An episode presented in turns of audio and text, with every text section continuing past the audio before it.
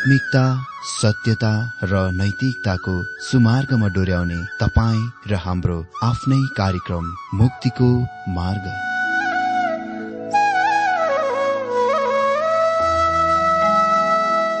आदरणीय श्रोता यस मुक्तिको मार्ग कार्यक्रममा हार्दिक स्वागत छ। आशा छ यस आत्मिक कार्यक्रमद्वारा जीवनमा आत्मिक आशिष अलौकिक शान्ति र आनन्द प्राप्त गर्नुहुनेछ। र जीवनमा धन्य अनुभव गर्नुहुनेछ। आउनुहोस् श्रोता मन र आत्माको तयारीको लागि यो मिठो अनि मधुर भजन गीत सुनौ।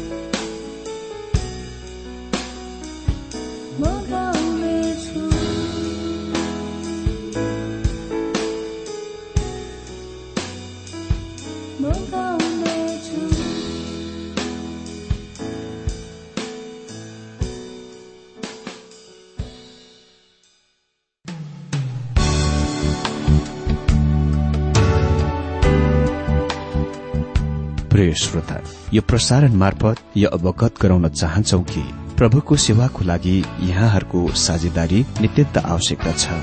यहाँहरूले प्रार्थनाको साथसाथै आर्थिक सहायता गर्न अनुरोध गर्दछौ। तपाईँहरूको सानोभन्दा सानो भेटी किन नहोस्? हामी प्रभुको नाममा स्वीकार गर्नेछौ प्रभुको सेवाको लागि। तपाईँहरूको यो सानो लगानीले कसैको जीवनमा भिन्नता ल्याउँछ अनि प्रभुको महिमा हुन्छ। प्रभु तपाईँहरूलाई महान गरी आशिष दिनुहुनेछ। इच्छुक श्रोताहरूले तपाईँको इच्छा भेटी हाम्रो ठेगानामा पठाउन सक्नुहुन्छ जुन ठेगाना हामी कार्यक्रमको अन्तमा दिनेछौ। आज हामी बाइबल अध्ययन मलाकी दुई अध्यायबाट आरम्भ गर्न गइरहेका छौं। यस अध्यायमा हामी अर्को खण्ड भागतिर आउँछौ तर यसले अझै पुजारीहरूसँग व्यवहार गरिरहेको छ। परमेश्वरले पुजारीहरूलाई तिनीहरूका अशुद्धता अपवित्रता र अवहेलनाको लागि निन्दा र डाँटिरहनु भएको छ हप्काइरहनु भएको छ। तिनीहरू वास्तवमा मन्दिरको विरूद्ध थिए। परमेश्वरलाई सेवा गरिरहनुको सट्टामा तिनीहरूले परमेश्वरको प्रति विरोध काम गरिरहेका थिए। मन्दिरमा तिनीहरूले गरिरहेका सेवाहरूमा तिनीहरूले परमेश्वरलाई अनादर र अपन गरिरहेका थिए। पहिलो अध्यायमा हामीले देख्यौं कि पुजारीहरूले परमेश्वरको नामको अवहेलना तिरस्कार गरिरहेका थिए। अनि मैले बुढो बिरामी पशुको उल्लेख गरेथे जुन तिनीहरूले परमेश्वरको लागि बलिदानको रूपमा चढाए भेट गरे। त्यस अभ्यास वास्तविक निन्दा यो थिएन किनभने तिनीहरूले बेकारका महत्वविहीन परमेश्वरलाई दिइरहेका थिए। अनि उहाँले तिनीहरूलाई हप्काइरहनु भएको छ। किनभने तिनीहरूले दिइरहेका थिएनन् जस्तो कि तिनीहरूले दिनुपर्ने थियो। अह केही समयपछि उहाँ यस कुरातिर आउनुहुनेछ र अति नै निर्दिष्ट प्रश्न सोध्नुहुन्छ कि मानिसले परमेश्वरलाई लुट्छ। तर यहाँ चाहिँ मुख्य जोड भेटीको महत्वमाथि होइन तर भेटीको स्वरूपमाथि हो प्रकृतिमाथि हो। जुन वेदीमा चढाइएको थियो लेबीको पुस्तकमा हामी पत्ता लगाउँछौ कि त्यहाँ पाँच महान भेटीहरूको उल्लेख गरिएको छ। अनि ती प्रत्येक भेटीले ख्रिस्टतिर संकेत गर्दछ। प्रत्येक ती भेटीले त्यस जनलाई प्रतिनिधित्व गर्नुपर्ने थियो जो आइरहनु भएको थियो। अनि यो जन पवित्र निष्कोट निष्कलंक र पापबाट अलग गरिनु भएको हुनुहुन्थ्यो। उहाँ सिद्ध हुनुहुन्थ्यो र उहाँलाई संकेत गर्ने औल्याउने प्रतिनिधित्व गर्ने भेटी पनि बिना खोट निष्कलङ निष्खोट हुनु पर्दथ्यो। मिठो सुगन्ध दिने भेटी र मिठो सुगन्ध नदिने भेटीहरूले परमेश्वरको पुत्रतिर संकेत गर्दथ्यो। अहिले मलाकीको दिनमा पुजारीहरू परमेश्वरको नामको त्यस कुरामा अवहेलना र तिरस्कार गरिरहेका थिए। तिनीहरूले परमेश्वर कहाँ असिद्ध भेटी ल्याइरहेका थिए बुढो बिरामी पशु। मित्र पछिबाट आइरहनु भएको सिद्ध मसिहाको संकेत गर्ने प्रतिनिधित्व गर्नेको रूपमा वेदीमा बिरामी लंगडा पशुहरू ल्याउने कुरा स्वर निन्दा थियो।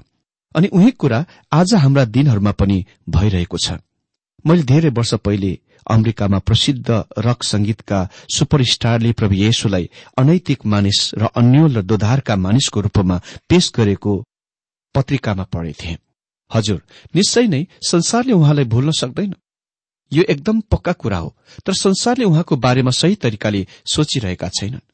जसले उहाँलाई पुस्तकमा अभिनय भूमिकाहरूमा अरू त के लिबरल पुलपिटमा स्वतन्त्रवादी पुलपिटमा उहाँलाई जसले प्रतिनिधित्व गर्दछन् परमेश्वरको नामको अवहेलना गरिरहेका छन् तिरस्कार गरिरहेका छन्। हामी प्राय गरेर यस्तो कथन मानिसहरूले गरेको सुन्छौं भनेको सुन्छौं शैतानले मलाई त्यसो गर्न लगायो। वा शैतानले मलाई त्यो गर्न लगायो। मित्र शैतानले तपाईँले त्यस्तो कुनै काम गर्न बनाएन। तपाईँले त्यो गर्नुभयो किनभने तपाईँसँग अझै त्यो पुरानो स्वभाव छँदैछ।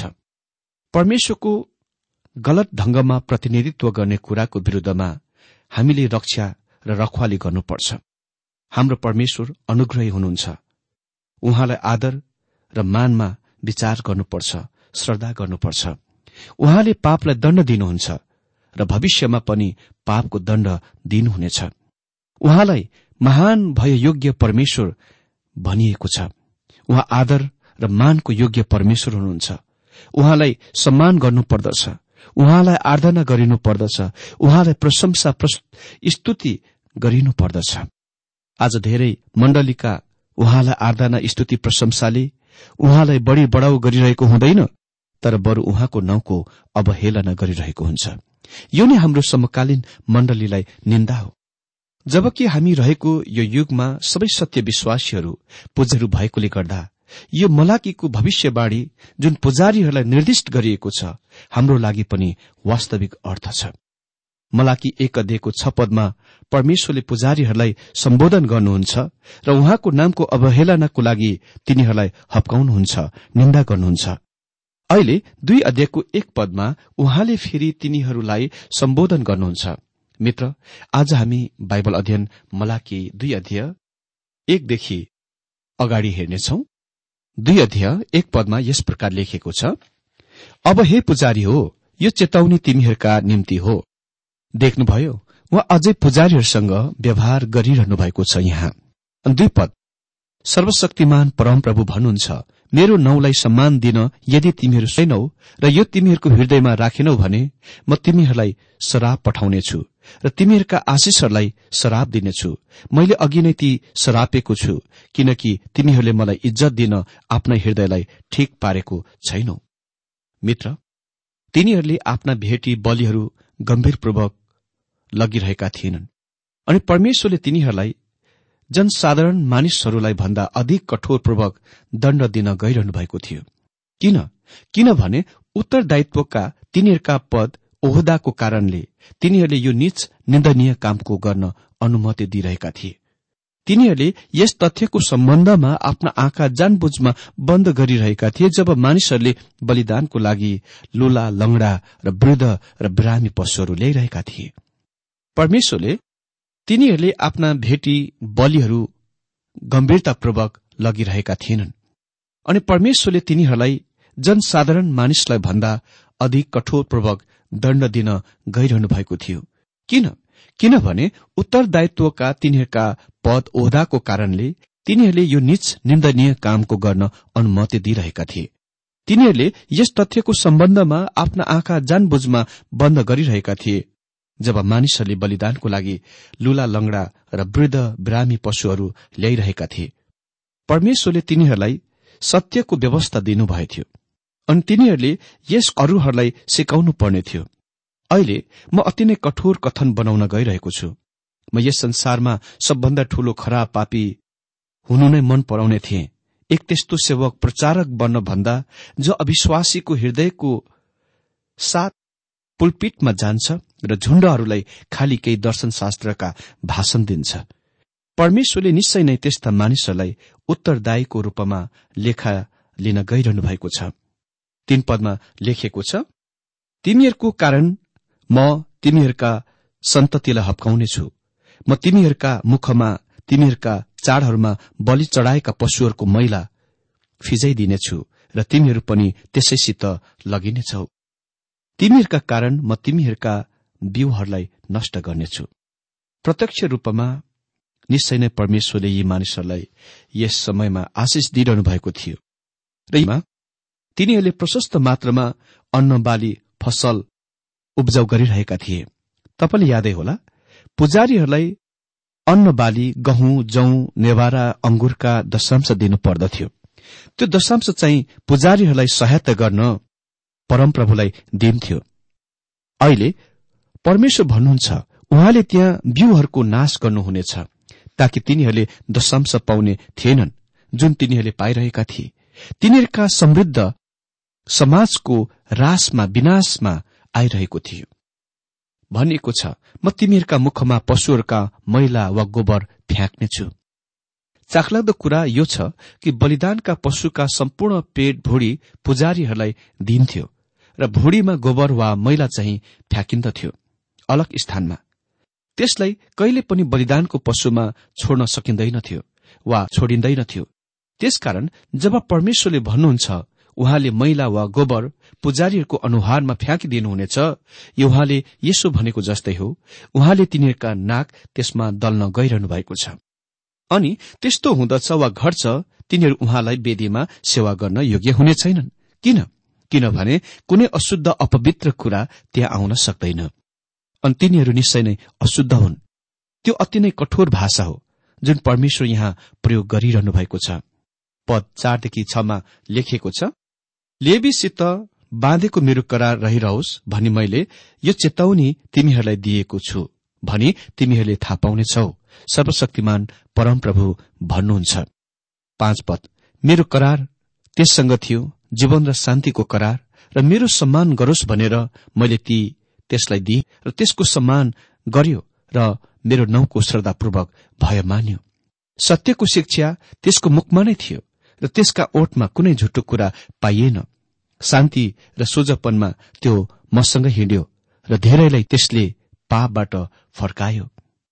यसले हामीलाई त्यस कारणको बताउँछ कि किन परमेश्वरले लेबीको कुललाई चुन्नुभयो? यदि हामी लेबीमा हेर्छौं भने जो याकुबका एक पुत्र थिए हामी उसलाई कहिले पनि चुन्ने थिएनौं किनभने परमेश्वरलाई प्रशंसा गर्ने उसमा कुनै त्यस्तो कुरा थिएन। अनि जब वृद्ध याकुब मरिरहेका थिए उसले आफ्ना बाह्र छोरालाई बोलाए र आफ्नो वरिपरि खड़ा गरे र उसले आफ्ना ती प्रत्येक छोराहरूको सम्बन्धमा भविष्यवाणी दिए जुनको विवरण हामी उत्पत्ति उन्चास अध्यायमा पाउँछौ। उसले सिमियोन र लेबीलाई एउटै भविष्यवाणीमा मिलान गरे मिलाए। भविष्यवाणी दिए।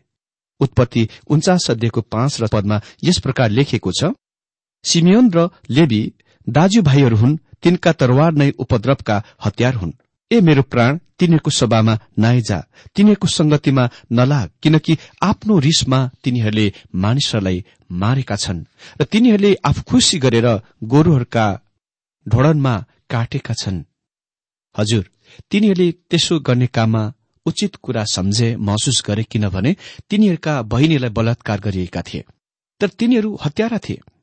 याकुबको भविष्यवाणी तिनीहरूको सम्बन्धमा निरन्तर जारी रहन्छ। उत्पत्ति उन्चासको सात पदमा यस प्रकार लेखिएको छ तिनीहरूका रिसमाथि श्राप परोस् किनभने त्यो भयानक छ। र तिनीहरूका क्रोधमाथि किनकि त्यो निष्ठुर छ। तिनीहरूलाई म याकुबमा छिन्न भिन्न पार्नेछु र इसरायलमा तितर बितर पार्नेछु। कसरी परमेश्वरले लेबीलाई इसरायलमा तितर बितर गर्न गइरहनु भएको थियो? तिनीहरू पुजारीय कुल बन्ने थिए। तिनीहरूले त्यस मुलुकमा कुनै आफ्नो निजी क्षेत्र भूखण्ड पाएनन् तर सम्पूर्ण कुलहरूको बीचमा छरिए छिन्न भिन्न भए।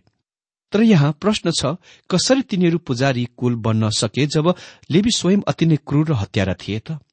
मित्र किन परमेश्वरले लेबीका कुला चुन्नुभयो? सो देख्नलाई इतिहासमा यसको पछ्याउन आवश्यक छ। शताब्दीौं पछि जब इसरायलका सन्तानहरू प्रतिमा पूजामा गए लिप्त भए र आराधना गर्न सुनको बाछा बनाए मोसाले प्रतिमा पूजकहरूलाई मार्न आह्वान गरे। अनि यो लेबीको कुलले मोसाको वचन र हुकुम अनुसार त्यो काम गरे। जब मोसा मर्न लागेका थिए उसले सम्पूर्ण बाह्र कुललाई आफ्नो वरिपरि भेला गराए। याकुबको बाह्रजना छोराहरू दश लाख मानिसहरू भन्दा धेरै बनेके जो मोसाको वरिपरि भेला भए। अहिले मोसाले प्रत्येक कुलहरूको सम्बन्धमा भविष्यवाणी दिन्छन्। व्यवस्था तेत्तीस अध्ययको आठदेखि दश पदमा लेखिएको छ लेबीको विषयमा तिनले भने तपाईँको तुमिम र तपाईँको उन्रेम तपाईँका कृपा पात्रसँग छन् जसलाई तपाईँले मसाहमा जाँच्नुभयो जोसित तपाईँ मराबीको पानीमा झगडा गर्नुभयो तिनले आफ्ना पिता र आफ्नो माताको विषयमा भने म उनीहरूका आदर गर्दिन तिनले आफ्नो दाजुभाइहरूलाई इन्कार गरे आफ्नो बाल बच्चालाई स्वीकार गरेनन् तर तिनले तपाईँका वचनको रखवाली गरे र तपाईँको करारको रक्षा गरे। यो कुराको याद राख्नुहोस् लेबी स्वयं क्रूर हत्यारा भए तापनि उसबाट आएको कुलले परमेश्वरको वचनको पालन गर्यो।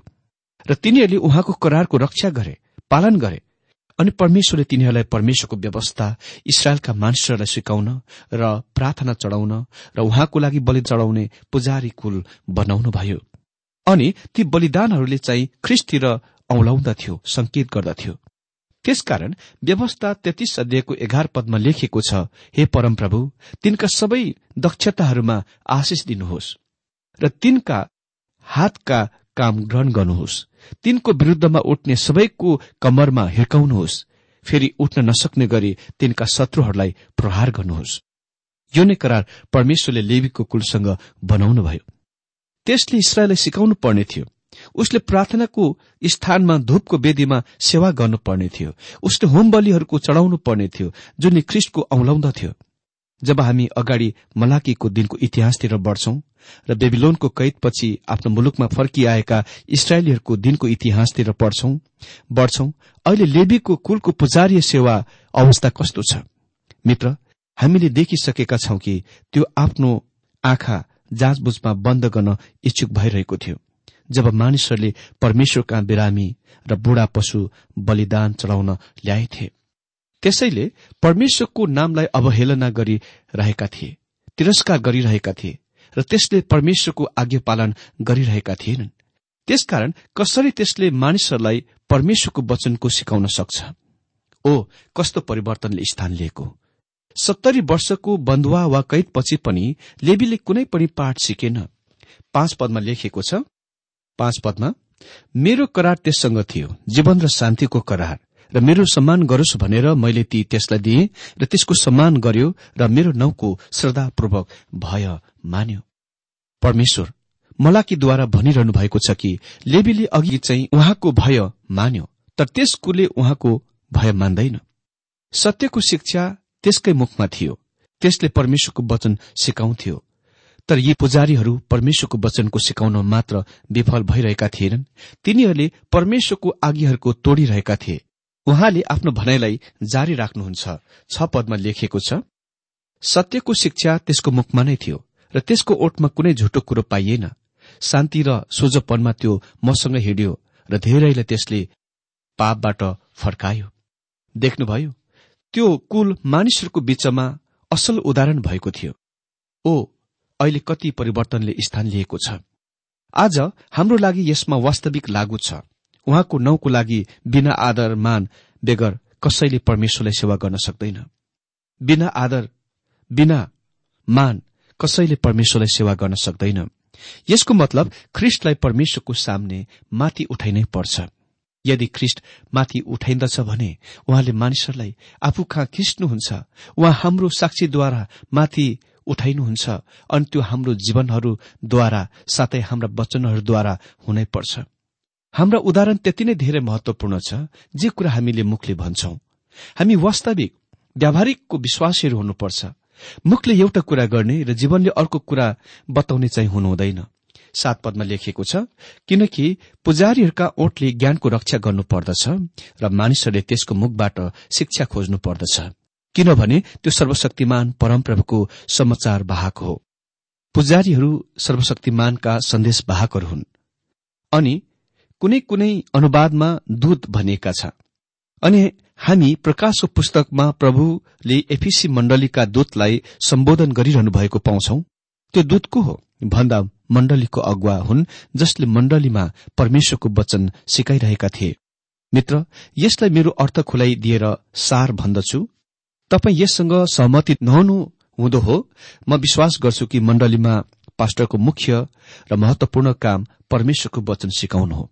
अनि प्रशासन कामहरूमा उसको संलग्नता मण्डलीको लागि त्यति फाइदाजनक हुन्छ जस्तो लाग्दैन। उसले मण्डलीका अन्य क्रियाकलापहरूमा हात लगाउनु भन्दा धेरै समय परमेश्वरको वचन अध्ययनमा समय बिताए असल हुनेछ। एक समय मैले एकजना ठूलो मण्डलीको एल्डरबाट डेकनबाट जो आफ्नो मण्डलीमा पास्टरसँग असन्तुष्ट थिए। उसले भन्यो कि उसको पास्टरले धेरै समय वचनमा अध्ययनमा दिन्छ र अन्य प्रशासनको काम अति नै कम हात दिन्छ।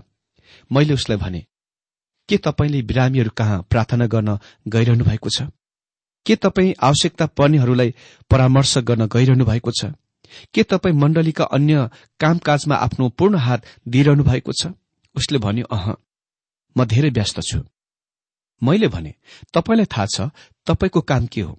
तपाईँले बिरामीहरूलाई बिरामीहरू कहाँ गएर प्रार्थना गर्नुपर्छ परामर्श दिनुपर्छ? उसको मुख्य काम परमेश्वरको वचन सिकाउनु हो। यदि उसले परमेश्वरको वचन सिकाइरहेको छैन भने जब उनी पुलपिटमा चढ्छन् त्यो अनौठो देखा पर्छ। तर यदि उसले आफ्नो समय अध्ययनमा परमेश्वरको वचन दिने काममा रहेका छन् भने उसले सही त्यही काम गरिरहेका छन् जुन गर्नलाई परमेश्वरले उसलाई बोलाउनुभयो। मित्र यस प्रकारको परिस्थिति पहिलो शताब्दीको मण्डलीमा प्रेरितहरूले झेले। त्यहाँ कोही कोही ग्रीक यहुदीहरू शिकायत गरिरहेका थिए कि तिनीहरूका विधवाहरूलाई व्यवस्था गरियो र खास प्राथमिकता चाहिँ त्यहाँका बासिन्दा वा त्यहाँका बसोबास गर्ने र त्यहाँ जन्मे हुर्केका विधवाहरूलाई मात्र दिइयो त्यो मामला प्रेतहरूको सामने ल्याइयो र तिनीहरूले त्यसको सम्हाल्ने महान काम गरे। तिनीहरूले त्यसको सम्हाल्न मण्डलीलाई डिकनको नियुक्त गर्न भने तिनीहरूले भने प्रेत छ दिएको दुई पदमा परमेश्वरको वचन प्रचार गर्न छोडेर खुवाउने पियाउने सेवा गर्ने हामीलाई उचित छैन।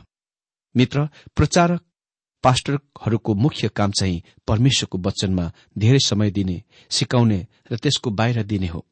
परमेश्वर भन्नुहुन्छ त्यो नै लेबीको काम थियो तर मलाकीको दिनमा पुजारीहरू त्यो गरिर्थेनन् त्यसकारण परमेश्वर पुजारीहरूलाई भन्नुहुन्छ आठ नौ पदमा तर तिमीहरू त बाटोदेखि एकातिर लागेका छौ र तिमीहरूको शिक्षा धेरैलाई ठोकरको कारण भएको छ। लेबीसँग बाँधिएको करार तिमीहरूले भंग गरेका छौ। सर्वशक्तिमान परमप्रभु भन्नुहुन्छ। यसैले मैले तिमीहरूलाई सबै मानिसहरूको सामुने तुच्छ र विनम्र तुल्याएको छु। किनभने तिमीहरू मेरो बाटोमा हिँडेका छैनौ तर व्यवस्थाका कुरामा तिमीहरूले पक्षपात गरेका छौ। मित्र त्यहाँ त्यस्तो समय थियो। प्रचारकहरूको पास्टरको सन्देश मानिसहरूले सुन्थे तर त्यस्तो दिन आज त्यति धेरै छैन। परमेश्वरले भन्नुभयो यो हुनेछ। जब सेविकाईले उहाँको वचन बाहिर दिइरहेको हुँदैन। परमेश्वरले भन्नुभयो यो हुनेछ। जब सेविकाईले उहाँको वचन बाहिर दिइरहेको हुँदैन।